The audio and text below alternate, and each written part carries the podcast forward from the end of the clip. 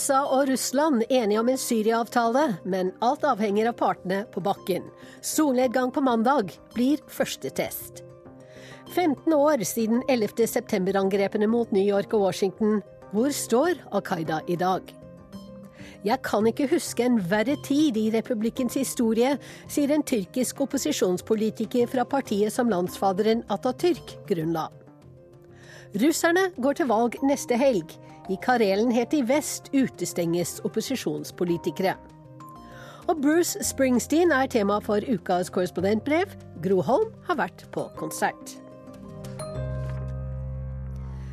Vel møtt til Urix på lørdag, jeg heter Wenche Eriksen. En våpenhvile fra solnedgang mandag og en samarbeidsplan for å redusere volden i Syria. Det var det utenriksministrene Sergej Lavrov og John Kerry kunngjorde i Genéve i natt.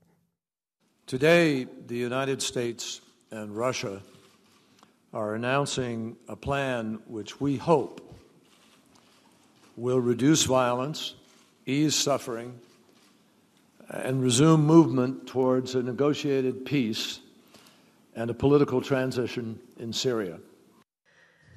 Midtøsten-korrespondent Kristin Solberg eh, fra Beirut, hva er hovedpunktene i Syria-avtalen som USA og Russland inngikk i natt?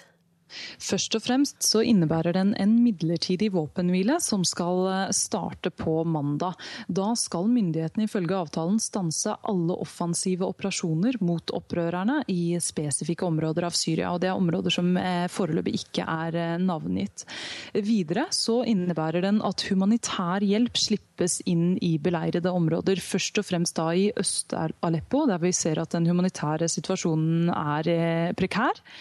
Ehm, så hvis denne midlertidige våpenhvilen holder i syv dager, så skal USA og Russland starte en felles eh, koordineringsenhet for militæroperasjoner mot IS og mot gruppen som tidligere kalte seg Jabhat al-Nusra, som var eh, Al Qaidas gren eh, i Syria. Da skal USA og Russland altså samarbeide om luftangrep mot disse to gruppene. Og hvis det skjer, så vil det være første gang at det skjer. Hvilke forsikringer eller løfter har eh, John Kerry og Sergej Lavrov fått fra partene i den syriske borgerkrigen? Ja, Russland og USA de støtter jo hver sin side i borgerkrigen, og de må legge press på sin side for å få dem til å overholde avtalen. Russland støtter da myndighetssiden og sier at eh, president Bashar al-Assad er informert om avtalen og er forberedt på å holde den.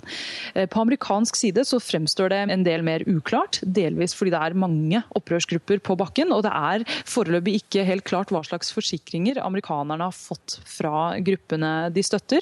Men men John Kerry sier at USA nå skal jobbe mot eh, opprørsgruppene for å få de til å distansere seg fra det som tidligere da ble kalt Jabhat al-Nusra, eh, som flere av dem har samarbeidet med, og andre ekstreme grupper. Og Det er også et av hovedtrekkene i avtalen. Så gjenstår det å se hvorvidt de faktisk klarer å få det til å skje på bakken.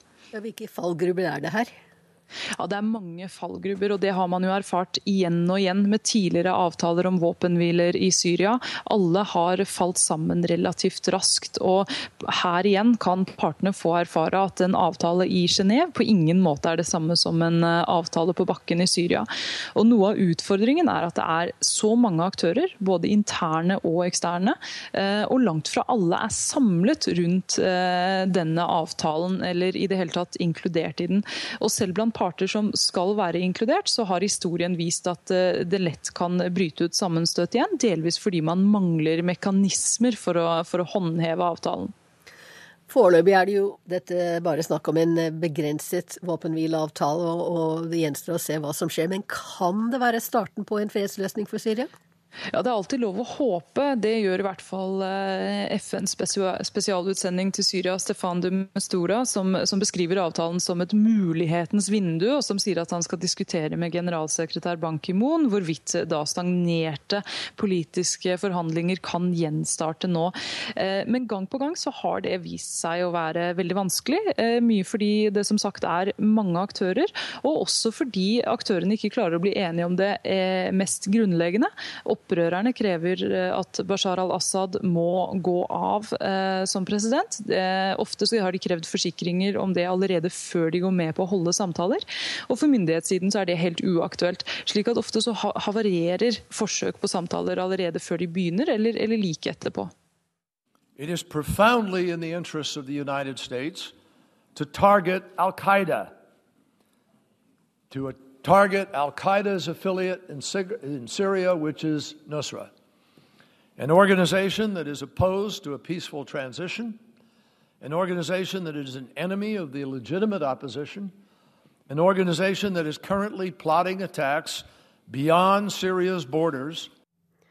Det er i USAs grunnleggende interesse å bekjempe Nusra, Al Qaidas gren i Syria, sa den amerikanske utenriksministeren i natt. Hvorfor, hører du her. As Matt just mentioned, we have a breaking news story to tell you about. Apparently, a plane has just crashed into the World Trade Center here in New York City. It happened just. It was at least a 727. The air is filled with hundreds of thousands of pieces of paper that are just sort of floating. Do you know if there were many people in the building? Oh, another one just hit. Something else just hit. A very large plane just oh. flew directly over my building, and there's been another collision. Can you see it? I yes. can see it on the shot. Oh my! Something else has you just. know what? We just saw like a plane circling the building. I I've never seen anything like it.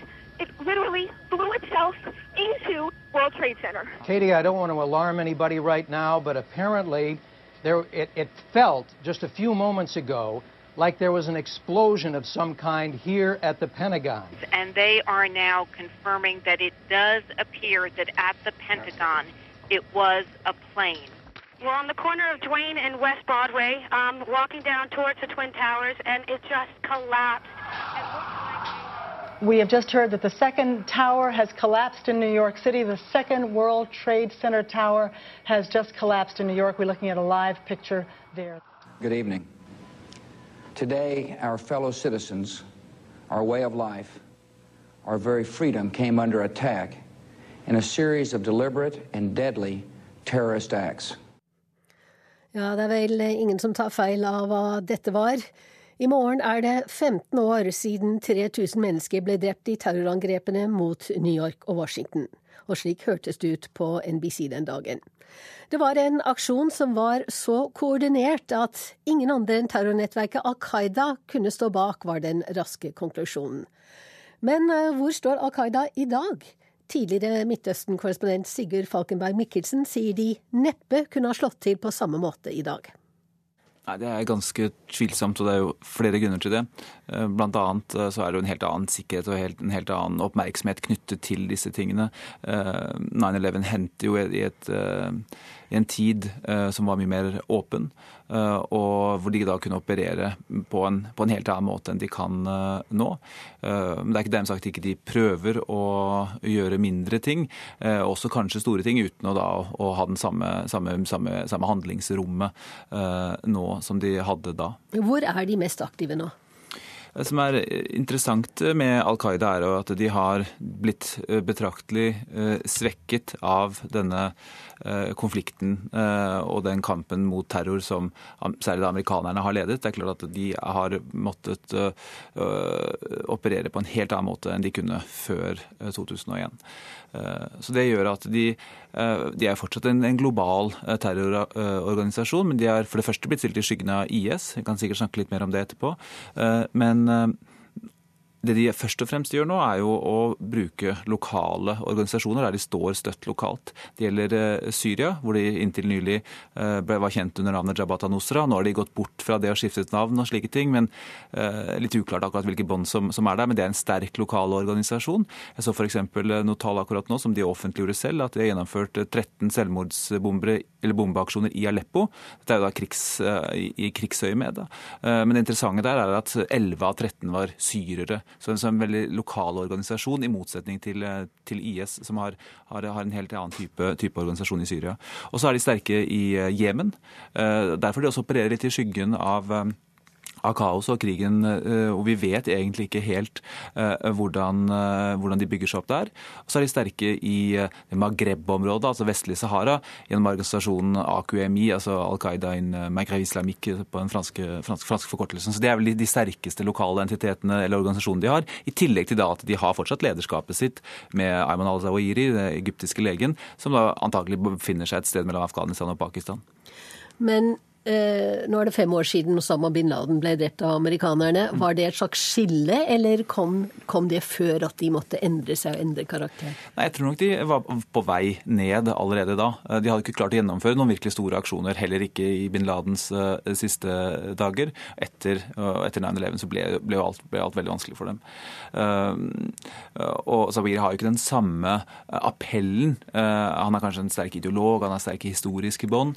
men, men men han, for unge eh, menn, da, særlig i Vesten f.eks., som er tiltrukket av eh, jihadisme, jeg tror ikke de hører noen særlig grad på han. De venner seg til, til alle sosiale medier og IS. Og hvorfor er det eh, IS eh, som nå er inn, da, for å si det mm. sånn, blant unge jihadister, og ikke Al Qaida. Mm. Hvorfor har IS vunnet fram?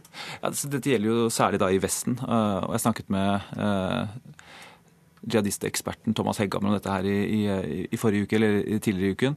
Eh, og Han trakk også fram dette at, at det er lite støtte og spore for Al Qaida blant unge vestlige, da, eh, først og fremst jihadister. Og Mye av det, grunnen til det er jo at IS har en helt, helt annet propagandaapparat. de, de framstår som en, som, en, moderne organisasjon, i motsetning til Al Qaida. det kan godt være at på sikt så er det et, en, en, klokere strategi fra, fra Al Qaidas side. Eh, men det er jo da et, også et, et helt fysisk skille og en konflikt der som oppsto i Syria og Irak mellom disse to organisasjonene. Eh, så, så IS er definitivt den, den, den mest dominerende, eh, dominerende, organisasjonen, fordi de får mest oppmerksomhet og de tar mest oppmerksomhet. og de, Det er fortsatt de som gjennomfører da, disse, disse, store aksjonene som vi har sett i Europa f.eks. det siste året. Står de alltid mot hverandre, er det noen tilfeller hvor de har samarbeidet? Ja, det er et godt spørsmål. Uh, man vet jo ikke alt hva som foregår. Uh, men de oppsto da ut fra altså I utgangspunktet så var den organisasjonen som ble til IS, en del av Al Qaida. Og så var det et splitt der uh, og, en, og, en, krangel som, som, gjorde at det ledet til at vi fikk to uh, fiendtlig innstilte organisasjoner. Uh, og de lever jo da side om side uh, i uh, Syria. Jeg husker jeg reiste til Aleppo i 2015, og da uh, kontrollerte myndighetene en liten, nesten en kjerrevei da, opp til som, den delen av Aleppo som de fortsatt kontrollerte. Og Da var det Jabhat al-Nusra som hadde baklandet på den ene siden og, og, IS på den andre. Men de er jo konkurrerende organisasjoner. og så konkurrerer de også om, om, de konkurrerer om penger, de konkurrerer om territoriet og om rekruttering. så jeg så bl.a. at IS tok over mange lokale organisasjoner når de var på, eh, eller da de var på, på fremmarsj. Det er det ikke i samme grad nå. så Det skal bli veldig interessant å se hvordan den maktkampen eh, utspiller seg i Syria.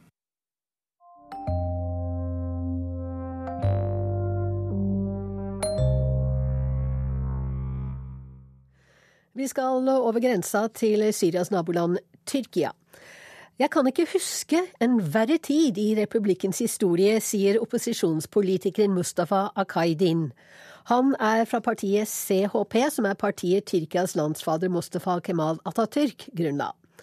Det sekulære partiet har advart mot gulenistbevegelsen, som jo beskyldes for å ha stått bak sommerens kuppforsøk, i mange år. Korrespondent Sisselvold har møtt parlamentarikeren i Ankara. We are, uh, Vi er i en forferdelig situasjon nå. Jeg kan ikke huske en verre tid, sier Mustafa Akaidin. Han er folkevalgt fra Antalya, kystbyen som ligger vakkert til ved Egerhavet sør i Tyrkia. Gulen-bevegelsen begynte å røre på seg i 1973, forteller han. De mener at det å stå på religionens side, på Guds side, er den rette siden. De begynte å infiltrere universitetene, departementer og offentlig administrasjon. Mustafa Akaydin er utdannet kirurg og er professor i medisin, og var rektor for et universitet i Antalya. Men så mistet han jobben. President Abdullah Gül, Mr. Abdullah Gül, instead of me, put uh, another man as a rector from the Gulenis side. This happened Jeg ble avsatt under daværende president Abdullah Gül, som ansatte en gulenist i mitt sted. Som rektor på universitetet, forteller parlamentarikeren fra opposisjonspartiet CHP. CHP er Tyrkias eldste parti, grunnlagt av mannen som skapte det moderne Tyrkia av restene fra det osmanske riket, Mustafa Kemal Atatürk. Akaydin sitter bak skrivebordet sitt på kontoret i det tyrkiske parlamentet.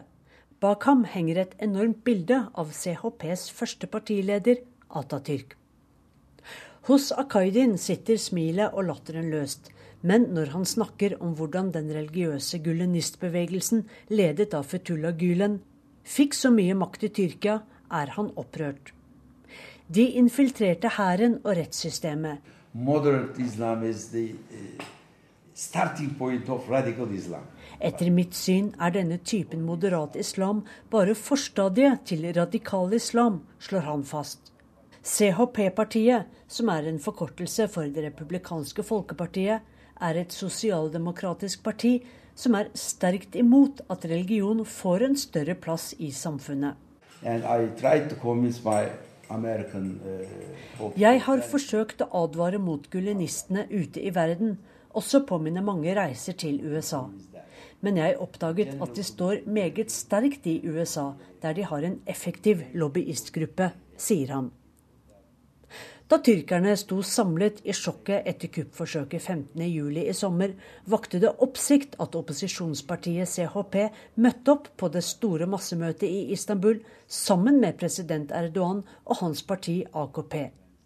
Det er ingen kjærlighet mellom CHP og AKP, men her var det snakk om å stå sammen om demokratiet mot et forsøk på å styrte en lovlig valgt regjering. Rundt en million mennesker møtte opp på denne massemønstringen.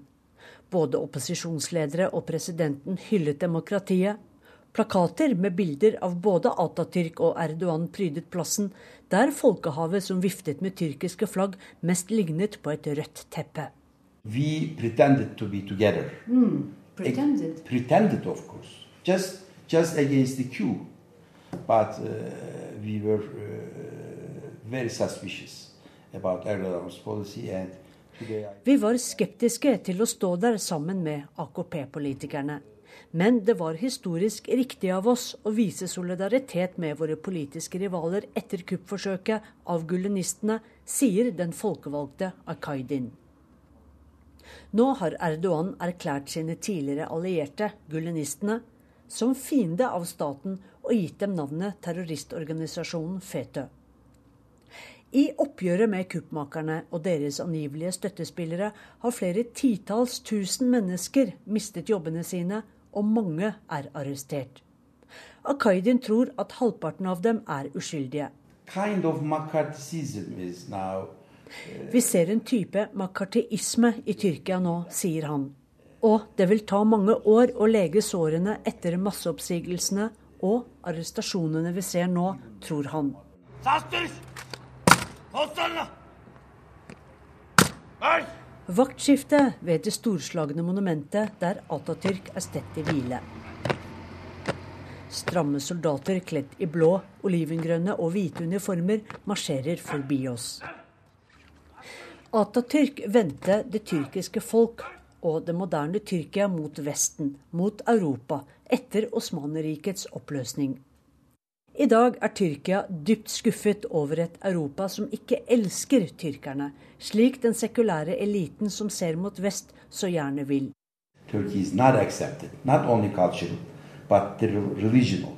Jeg tror det er fordi Tyrkia er et muslimsk land at EU ikke vil akseptere oss, sier opposisjonspolitikeren og parlamentarikeren Mustafa Akaydin. A misunderstood, uh, lonely country like Texas of United States. Tyrkia er et misforstått og ensomt land i dag. Slik Texas er det i USA, konkluderer den tidligere borgermesteren i Antalya med et sørgmodig smil. Ja, Da kan vi like godt dra fra Tyrkia til USA, der de to presidentkandidatene er begge stadig dårligere likt. De som kan avgjøre valget om seks dager, er hvem som ikke kommer til å stemme. Kristne kvinner og afroamerikanere er to slike grupper. Tove Bjørgaas har tatt en prat med begge. Your values of love, charity and faith built this nation. Han snakker roligere enn han ofte gjør. Om å være snill mot sin neste. Om de kristne verdiene USA er tuftet på. Donald Trump får applaus, om ikke stormende. Men salen er i det minste full.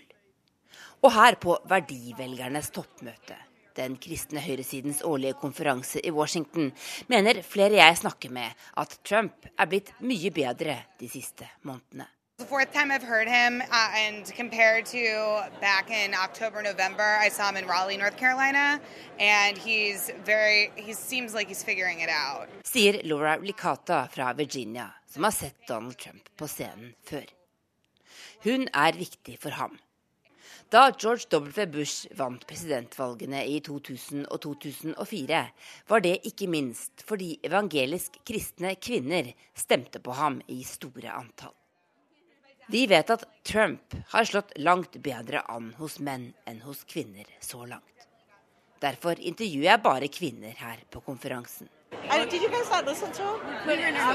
Og de fleste av dem, som Dawn fra vippedelstaten Ohio, mener selv de motvillige til slutt kommer til å stemme på Trump. For de vil til enhver pris unngå at Hillary Clinton havner i Det hvite hus. Our media culture often mocks and demeans. Meningsmålingene viser at Trump haler innpå. Og sørge for at viktige velgergrupper ikke blir sittende hjemme 8.11, er viktig både for ham og Hillary Clinton. For henne er uttalelser som denne selvsagt ikke positive. For Hillary Clinton is going to do just what her husband did, which was fool you into thinking they care about you while they work against your own best interests. Look at Bill Clinton. He swelled up the jails. Dette er den afroamerikanske aktivisten Omar Johnson som advarer svarte mot å stemme på Clinton. Bill Clinton innførte i 1994 en lov som slo knallhardt ned på kriminalitet, og banet vei for at en svimlende andel svarte menn i USA i dag sitter i fengsel. Ferske meningsmålinger viser at mange unge afroamerikanere ikke lar seg engasjere av Hillary Clinton, og ikke er sikre på om de vil stemme, til tross for at foreldrene deres støtter opp om henne. Anyway. Vil hun egentlig kjempe for oss, spør de seg. Og dessuten mener borgerrettsgrupper de kan bevise at svarte velgere blir systematisk undertrykket i mange sørstater fortsatt. I Atlanta kjemper Nse Ofot mot dette. Hun leder The New Georgia Project, som forsøker å få flere svarte i Georgia til å stemme ved dette valget. For den vanligvis republikanske sørstaten kan havne på vippen denne gangen, hvis mange nok afroamerikanere stiller opp. In the last minute, the county board of elections voted to move the, one of the polling pre, polling locations in the county with the highest uh, percentage of African Americans inside of a sheriff's station. I en kommune i nærheten her flyttet det lokale valgstyret valglokalet fra en skole til en politistasjon, forteller Ofot. Hun mener dette ble gjort for å skremme svarte velgere fra å stemme. And this is a community where there's a long history of um, sort of bad blood uh, and over policing uh, in, in this particular African American community. And they wanted to take the polling place where people vote from the community gymnasium into the sheriff's station. So we went down, we mobilized, we got petitions signed, we petitioned the Board of Elections. Etter mange klager og trusler om søksmål ble stemmelokalet flyttet til en kirke i stedet. Det blir en kamp om hver eneste stemme i november. Donald Trump har allerede advart mot valgfusk fordi han mener kravene til legitimasjon er for ulike i ulike delstater. Nse Ofot mener dette også er en vanlig hersketeknikk overfor svarte velgere. That's not new. That's um, a common uh, conservative refrain that we hear over and over again, and an attempt to say that there's something wrong with black people voting and that they require monitoring and observation and additional scrutiny. Men både i Georgia og andre steder skal det kanskje mer til enn rettighetsarbeid for å få folk til å stemme denne gangen. Mens mange unge afroamerikanere gikk mann av huset for å stemme på Barack Obama, er engasjementet deres langt mer lunkent denne gangen.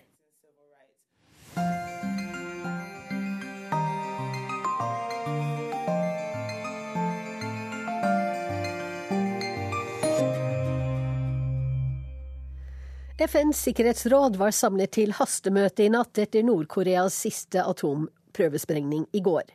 Prøvesprengningen ble fordømt som ventet, og medlemmene vil umiddelbart starte arbeidet med passende skritt overfor Pyongyang, sier New Zealands FN-ambassadør, som er rådets formann denne måneden.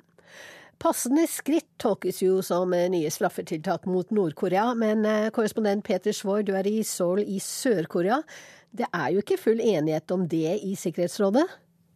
Nei, og det er ikke gitt at Kina vil bli med på å stramme sanksjonene ytterligere til nå. Jeg la merke til Kinas FN-ambassadør Liu Jieyi, som i natt unngikk å svare på om Kina vil støtte nye sanksjoner nå. Husk at Kina alene står for over 90% av nordkoreanernes handel med omverdenen. Så dersom man mener at nye sanksjoner vil løse um, utviklingen av atomvåpen i Nord-Korea, så er det Kina som er nøkkelen til å få det til. Men dette går jo nå også rett inn i en økende rift mellom Kina og og USA i denne regionen. De konkurrerer i stadig større grad om innflytelse, både i Sør-Kina-havet og andre steder. Håndteringen av Nord-Korea vil nå gå rett inn i den konflikten, hvor USA og deres allierte, Sør-Korea og Japan, nå det siste døgnet har fått enda flere argumenter for et stort amerikansk militærnærvær på Kinas dørstokk. Ja, hvilken rolle spiller da amerikanernes planer om et rak rakettskjold her i, i denne sammenhengen? Ja, De kan i hvert fall komme til å spille en ganske stor rolle, for Kina er jo ikke glad for eh, disse amerikansk-sørkoreanske planene om et rakettskjold i det hele tatt. De er bekymret for at den sterke radaren som er nødvendig, også kan overvåke kinesisk territorium. Men de ser også på det som et skritt i retning av økt amerikansk tilstedeværelse her. Så i de forhandlingene som nå vil komme om kinesisk støtte til nye FN-sanksjoner mot Nord-Korea, så kan utplassering av dette rakettskjoldet fort bli et forhandlingstema. Kina er jo altså det eneste landet som har handel av særlig volum så det vil jo avhenge hva kineserne går med på, hvor effektive disse sanksjonene er. og Da er det trolig at diskusjonen om rakettskjoldet også vil bli en del av det. Du er som sagt i Sør-Koreas hovedstad. Er folk der redde for et atomangrep fra nord? Nei, det har jeg ikke møtt noen her som eh, er. Mange sørkoreanere, kanskje særlig de yngste, trekker litt på skuldrene av hva Nord-Korea driver med. De har jo vokst opp med en strøm av dårlige nyheter nordfra og har til en viss grad sluttet å bry seg. Jeg har også truffet unge reservister i den sørkoreanske hæren i dag. De er mer bekymret for at de kan bli kalt inn nå, selv om de tror en væpnet konflikt er ganske usannsynlig. De fleste her i sør ser på det Nord-Korea driver med som eh, noe de gjør delvis av innenrikspolitiske grunner for å styrke Kim eh, blant sine egne, delvis som en måte å presse fram eh, innrømmelser fra, fra resten av verden, økonomisk bistand eller lettelse i sanksjonene. Men er det et spørsmål om et generasjonsskifte, eller hvem er det som lar seg hisse opp, hvis det er noen, da, og, og ikke av, av disse prøvesprengningene til Nord-Korea? Vi var på en eh, demonstrasjon her i sentrum av Seoul i ettermiddag, hvor det var en gruppe med konservative demonstranter som satte fyr på en statue av Kim Jong-un. Eh, det som var litt talende, var vel at det var ingen i den gruppen som var under 50 år gamle. Og det er klart at Den eldre generasjonen de har andre følelser og ser annerledes på dette. De husker jo også mange av dem eh, krigen, og mange av dem har nær familie i nord. Så der er følelsen sterkere. mens blant blant de yngre her, det er et tydelig generasjonsskille, så er folk mye mer blasert og, og bryr seg mindre. Da sier vi takk til deg, Peter Svaar fra Sør-Koreas hovedstad Seoul.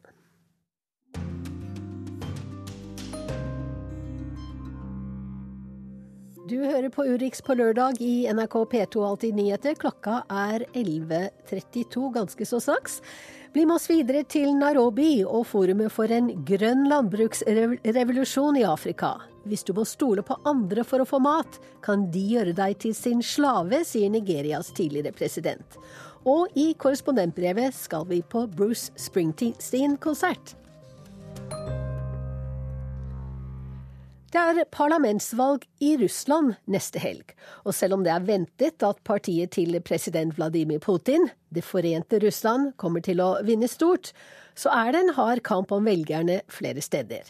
Blant annet i russisk Karelen lengst vest i landet, der Moskva-korrespondent Morten Jentoft har vært. Российской Федерации в Карелии, в том числе в Петрозаводске, осуществляется поэтапное повышение заработной платы всех категорий педагогических работников. Han mottar høflig applaus, guvernør Aleksandr Hotilainen i Karelen nordvest i Russland. Etter at han i Kulturpalasset har kunngjort for lærerne i Petrosavodsk at Russlands president Vladimir Putin har gitt dem en gave i form av en lønnsøkning. Dette er altså et offentlig arrangement for lærere før skolestart. Men guvernøren og hans støttespillere bruker anledningen til å fortelle lærerne hvor bra det nå er i byen, og hvor bra det blir hvis de som styrer, fortsatt får sitte ved makten, også etter parlaments- og regionvalget 18.9. Hodilainen og hele den gamle eliten i Karelen er med i det styrende partiet Det forente Russland, Putins eget parti.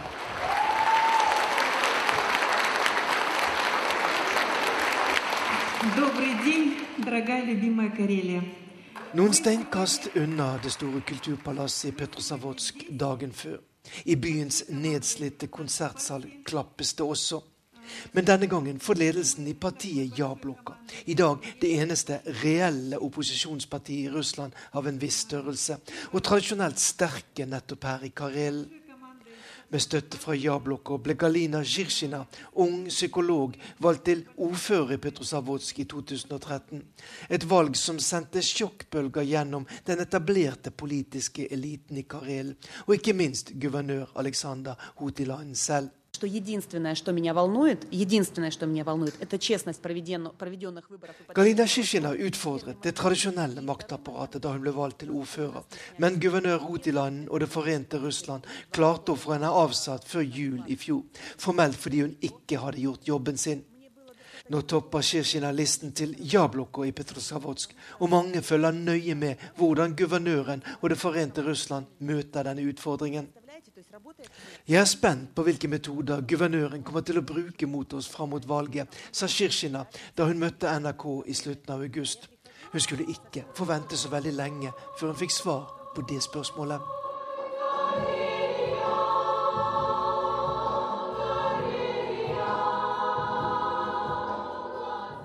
Karelen har status som republikk innenfor den russiske føderasjonen, og er en av 88 enheter som utgjør dette verdens største land. På lærermøtet synger et jentekor om dette vakre landskapet med grønne furuskoger og blå vann.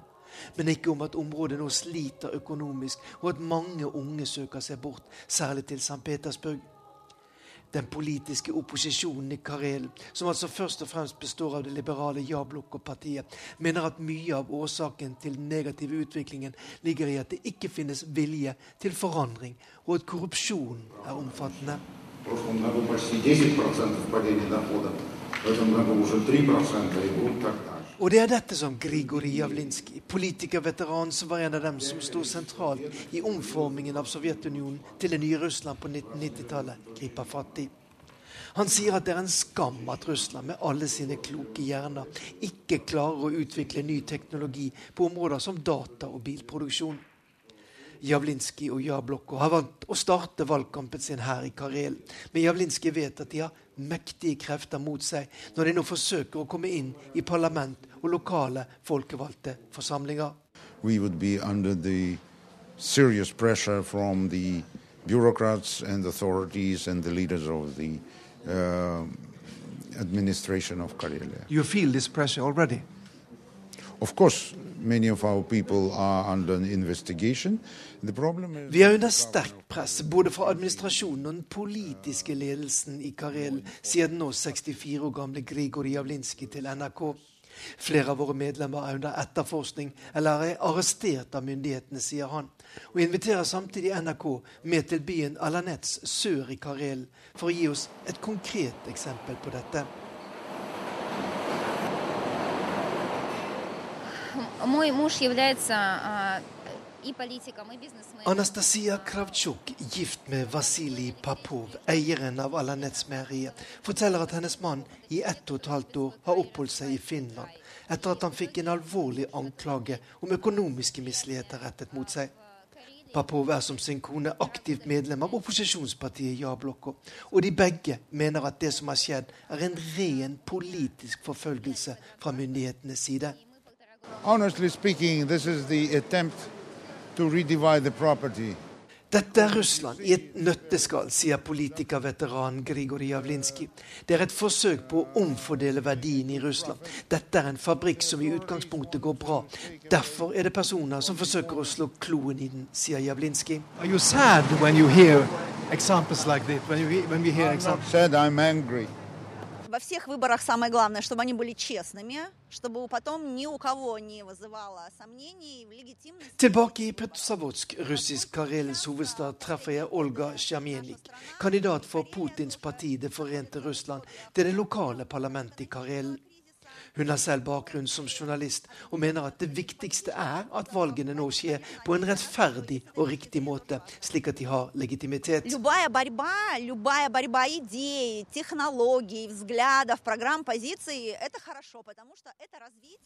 Enhver kamp om ideer, teknologi, meninger, om partiprogrammer, det er bra fordi det er utvikling, det betyr framgang, mener Olga Sjamenik fra Det forente Russland. Hvis vi ikke hadde hatt det, så hadde det ikke skjedd noe som helst. Selvfølgelig er det slik at vi ikke alltid har rett, men vi hører på våre motstandere. Og vi prøver å komme fram til beslutninger som er bra for hele samfunnet.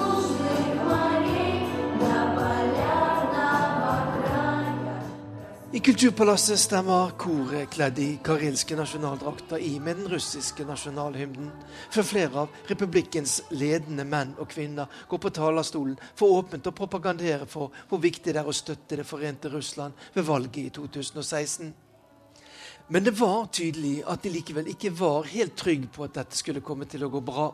Bare noen dager etter at NRK hadde vært på besøk, kom meldingen om at en lokal domstol i Petrosavodsk hadde erklært listen til bystyrevalget til ja-blokka, med tidligere ordfører Galina Shirshina i spissen, for ugyldig pga. formelle feil, til tross for at den tidligere var blitt godkjent. И здесь очень большую роль играет то, какая установка будет у губернатора и насколько он будет бояться нарушать избирательного выборное законодательство. Сейчас губернатор в Карелии не боится ничего. Russland i Karel er under press, og at det er grunnen til at de nå er i ferd med å bli desperate, sa Galina Shirshina til NRK, før hun altså visste at listen til ja-blokka var kjent ugyldig av en domstol i. Guvernøren vet at hvis han gjør det dårlig, så kan han miste sin post, sier hun. Ja-blokka har anket avgjørelsen om utestengelsen, og en endelig avgjørelse om det største opposisjonspartiet får delta i valgene til nytt bystyre i Petrosavodsk, kommer først mandag 12.9. Men ja-blokka har ikke gitt opp, selv om veteranen Grigorij Javlinskij vet at han lever et farlig liv. I fjor ble en annen opposisjonspolitiker, Boris Nemtsov, skutt på åpen gate i Moskva. I'm not thinking about that. Nemtsov is a terrible tragedy, but this is a system which you can, from which you can expect whatever. But this is not the argument to stop the activities. Vi toppet denne sendingen med Syria-avtalen som USA og Russland inngikk i Genéve i natt. Den moderate gruppen som kaller seg Den frie syriske hæren, sier de ikke har særlige forhåpninger til den, fordi Damaskus og Moskva ikke kommer til å følge reglene som er satt ned i den. De er, det er like liten sjanse for at denne avtalen skal lykkes som den siste, sier en talsmann for Den frie syriske hæren.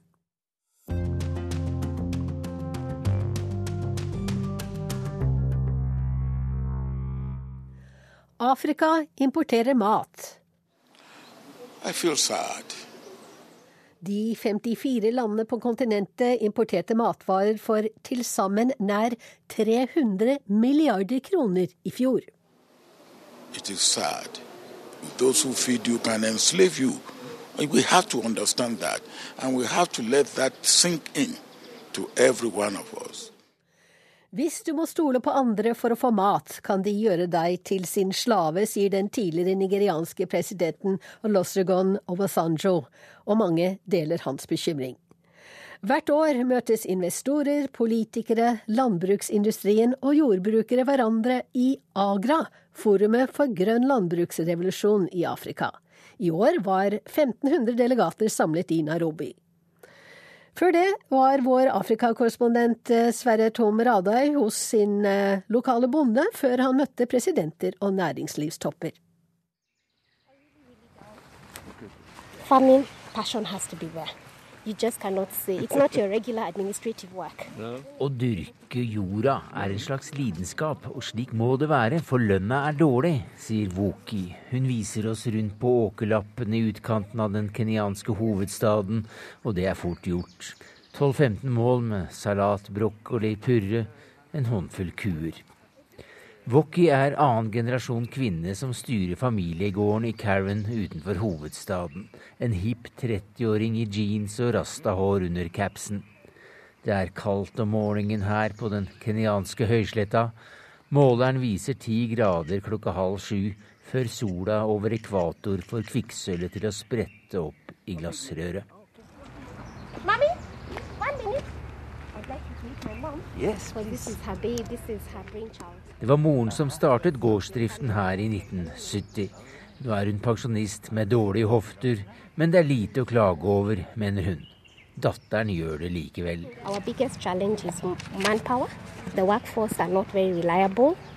Vårt største problem er at ungdommen ikke vil jobbe i landbruket, sier Wokki. Statistikken gir henne rett nok.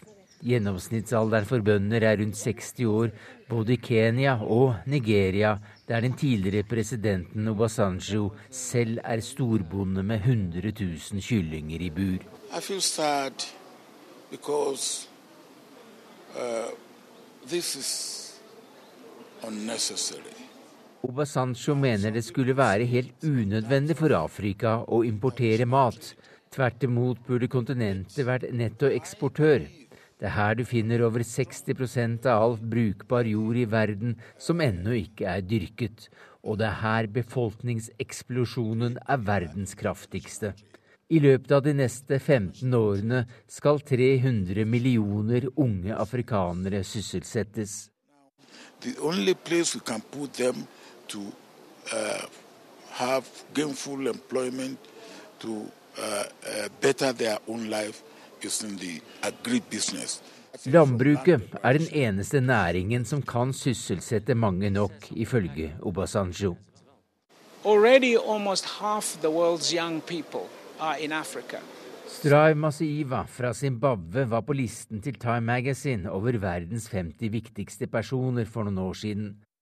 We have to create jobs. If we don't create jobs, we'll have extraordinary instability. Han er milliardær på telekommunikasjon, men ser på utviklingen av landbruket som helt avgjørende for Afrika og dermed for verdens framtid. For hva gjør hundrevis av millioner unge mennesker i Afrika om kontinentet ikke har arbeid til dem, og hvor drar de?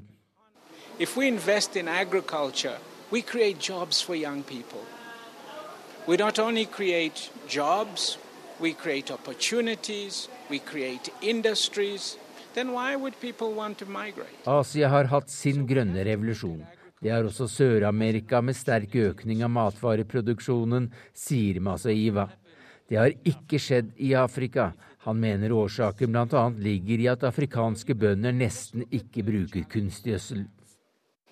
And we, we needed to look beyond aid in agriculture. Agriculture is a business. You are seeing here CEOs of big Norwegian companies like Yara. He's here.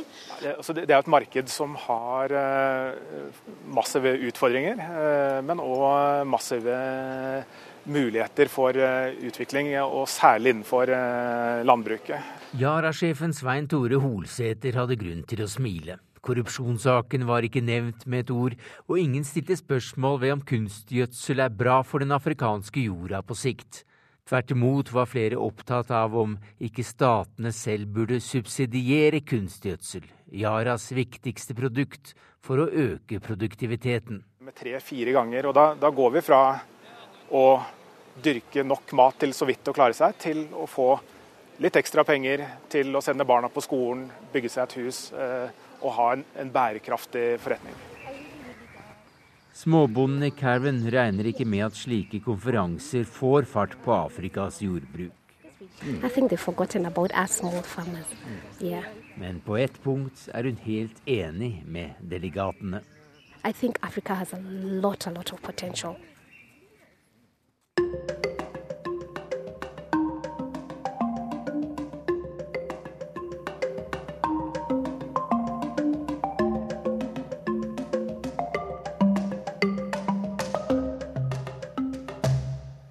Nå skal vi tilbake til USA.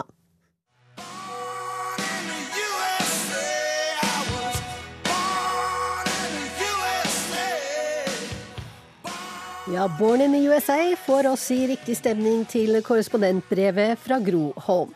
Hun har vært på Bruce Springsteen-konsert og sendt oss dette brevet fra hans hjemstat, New Jersey. Du kan ikke gå til arenaen, du risikerer å få bot, sa resepsjonisten på motellet én kilometer unna Metlife Stadium, der Bruce skulle spille om en knapp time. Nei vel, tenkte jeg, dette er USA, ikke Trondheim eller Ullevål i Oslo. For å komme til Metlife måtte jeg ut på en motorvei, påstår resepsjonisten, og der kan en selvsagt ikke gå. I stedet spaserte jeg et par hundre meter langs slitne bygg med auto repair, diverse uleselige skilt og litt graffiti ned til baren Red. Motellet hadde en avtale med baren om at gjestene kunne få skyss med deres shuttlebuss bort til stadion, og ølsalget var for anledningen flyttet ut på gata. Hvorfor er Springsteen viktig for amerikanerne, spør jeg et godt voksen par i shuttlebuss-køen. Fordi det er så born in the USA, det han synger om, så amerikansk tvers igjennom, sier Jean Matachowski. Hun har vært lærer i New Jersey i 35 år, og er redd fagforeningenes tid er omme. Hvis de forsvinner, kommer færre til å søke seg til yrket, og lærerne blir raskt sett på som maktesløse og litt dumme, sier Jean. Jeg kom til USA som femåring, sier ektemannen Hank. Men hvordan oppfatter du sangen Born in the USA, spør jeg. Tja, du kan legge hva du vil i den sangen. Hvis du ikke utnytter mulighetene her, er det ditt problem. Selv har jeg hatt mange forskjellige jobber, sier Hank, mange, som ham, oppfatter det som en patriotisk sang. Ronald Reagan likte den også. Under et valgkampmøte i New Jersey i 1984, samme år som Born in the USA-albumet ble sluppet, karakteriserte han Springsteens sanger som et budskap om håp, og ba om å få bruke Born in the USA i valgkampen. Svaret var tvert nei, og sangen handler slettes ikke om håp. Den beskriver en arbeiderklassegutt som sendes til Vietnam og kommer tilbake til et trøstesløst liv i småbyen, der det ikke lenger er jobb for ham på raffineriet. Broren kom aldri hjem fra slagmarken, og refrenget Born in the USA er ironisk snarere enn patriotisk. Han har fått meg gjennom så mange tunge stunder i mitt liv, sier hjelpepleieren Sandy Filippo fra New York. Han får meg til å gråte, sier hun, og gråter litt. Sandy har vært gjennom flere skilsmisser. Første gang var verst. Jeg likte å høre på Little Girl, I Wanna Marry You, lot som om han snakket til meg, sier hun gjennom tårene. Jeg er en Jersey girl, akkurat som i sangen. Jeg elsker den. Han føler med folk i tragedie og glede. Han vet hvem vi er, sier Sandys venninne Linda Beretti der vi står i køen utenfor stadion. Jeg er ikke enig med Bruce i politikken, forsikrer Will, som skal stemme på Donald Trump. Men jeg er herfra, og jeg vokste opp med musikken hans. Foreldrene mine spilte den hele tiden. Han når alle generasjoner. De er fire unggutter sammen på konsert, men ingen har samme favorittsang. James er i motsetning til Will enig med Bruce politisk. Faktisk hadde han billett til en konsert i Nord-Carolina i april, men Springsteen valgte å avlyse i protest mot at delstatsforsamlingen vedtok en lov som påbyr transkjønnede å bruke toalettet til det kjønnet som er oppgitt i fødselsattesten. James synes det var helt greit at Bruce avlyste konserten i protest. Han brenner for arbeiderklassefolk og alle som sliter, ikke bare i USA, mener legeassistenten Diane Riley. Hun har tatt med seg to voksne døtre som hun stort sett har oppdratt alene. Selv sa Bruce i et intervju i 2009 at han har brukt mesteparten av sitt liv som musiker på å beskrive avstanden mellom den amerikanske drømmen og den amerikanske virkeligheten. Han vokste opp som sønn av en bussjåfør og en advokatsekretær i en småby i New Jersey, og var ingen suksess på skolen. Det var musiker han ville bli, helt fra da han som sjuåring så Elvis Presley på fjernsyn. Til å begynne med handlet det mye om biler og jenter. Etter hvert ble det mer om innestengte liv i småbyer, om dårlige valg og jeg-personer som flykter fra håpløsheten. Som i Hungry Heart fra 1980. Har kone og barn i Baltimore, Jack. Jeg dro ut for å kjøre en tur og kom aldri tilbake. Alle har et sultent hjerte, synger han i refrenget.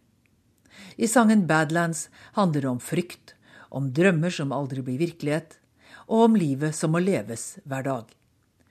Du må bare innse, jente, at den fattige ønsker å bli rik, og den rike ønsker å være konge, slutter sangen med.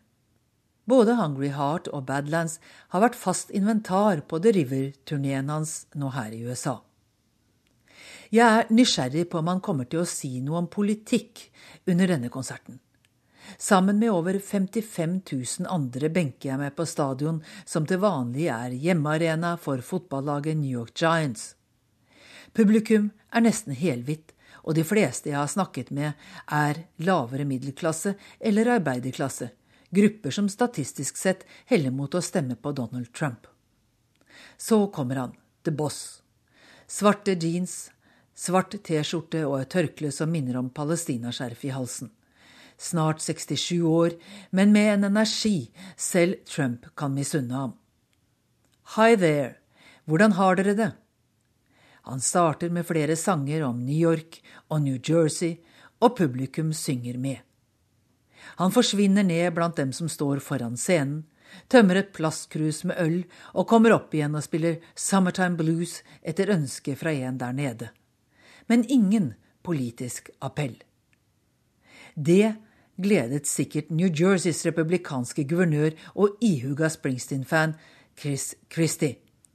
Like etter konserten ble det lagt ut en video på YouTube der den ganske så omfangsrike Christie i lyseblå kontorskjorte danser og synger med til melodien Tenth Avenue Freeze Out. Christie har støttet Donald Trump etter at han selv ga opp forsøket på å bli USAs neste president. Og det nærmeste Springsteen har kommet en politisk erklæring i år, var i Berlin i juni. Da holdt han opp en hjemmelaget plakat fra en publikummer med teksten Fuck Trump, we wanna dance with the boss. Så hvorfor sier han ingenting? I 2004 holdt han støttekonserter for demokratenes daværende presidentkandidat John Kerry, og snakket om hvordan mørket hadde senket seg over landet under George W. Bush. I 2008 støttet han Barack Obama framfor Clinton, og opptrådte med akustisk gitar og kor foran Lincoln-monumentet her i Washington DC dagen før presidentinnsettelsen. Men ikke et ord om at folk bør stemme på Clinton framfor Trump i år er hun ham for fremmed i væremåte og tankesett, med sine skyhøye foredragshonorarer, pantsuits og elitedominerte omgangskrets? Jeg vet ikke. Og kanskje føler heller ikke hun det naturlig å be om hans støtte, ettersom han støttet Obama framfor henne for åtte år siden. Etter fire timer og ett minutt uten en eneste pause takker Bruce Springsteen og The E Street Band for seg med fyrverkeri og Tom Waits-sangen Jersey Girl. Ingenting i hele verden betyr noe når du er forelsket i en Jersey-jente, avslutter Bruce til stående jubel fra unge og ikke fullt så unge Jersey-jenter. Klokka er 13 minutter over midnatt, og jeg har vært med på den lengste konserten han noen gang har holdt i USA. Jeg er slått av kontrasten mellom det mørke innholdet i mange av sangene og den oppløftede stemningen på scenen og blant publikum. Kanskje komikeren John Stewart har skjønt det, også han fra New Jersey. Når jeg som ung lyttet til Springsteens sanger, følte jeg meg ikke som en taper, men som en karakter i et episk dikt om tapere, sa Stewart. Det er en stor forskjell, tenker jeg idet shuttlebussen krysser motorveien tilbake til baren hvor vi startet sa Gro Holm.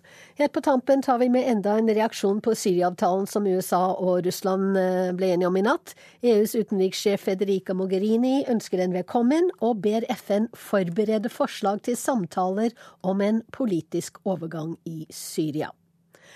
Urix på lørdag er slutt, men Urix på TV er tilbake på mandag klokka 20.25 på NRK2. Og Urix på nett får du hele tiden på nrk.no. Teknisk ansvarlig var Lisbeth Sellereite, produsent Marit Selmer Nedrelid, og her i studio satt Wenche Eriksen. Takk for nå.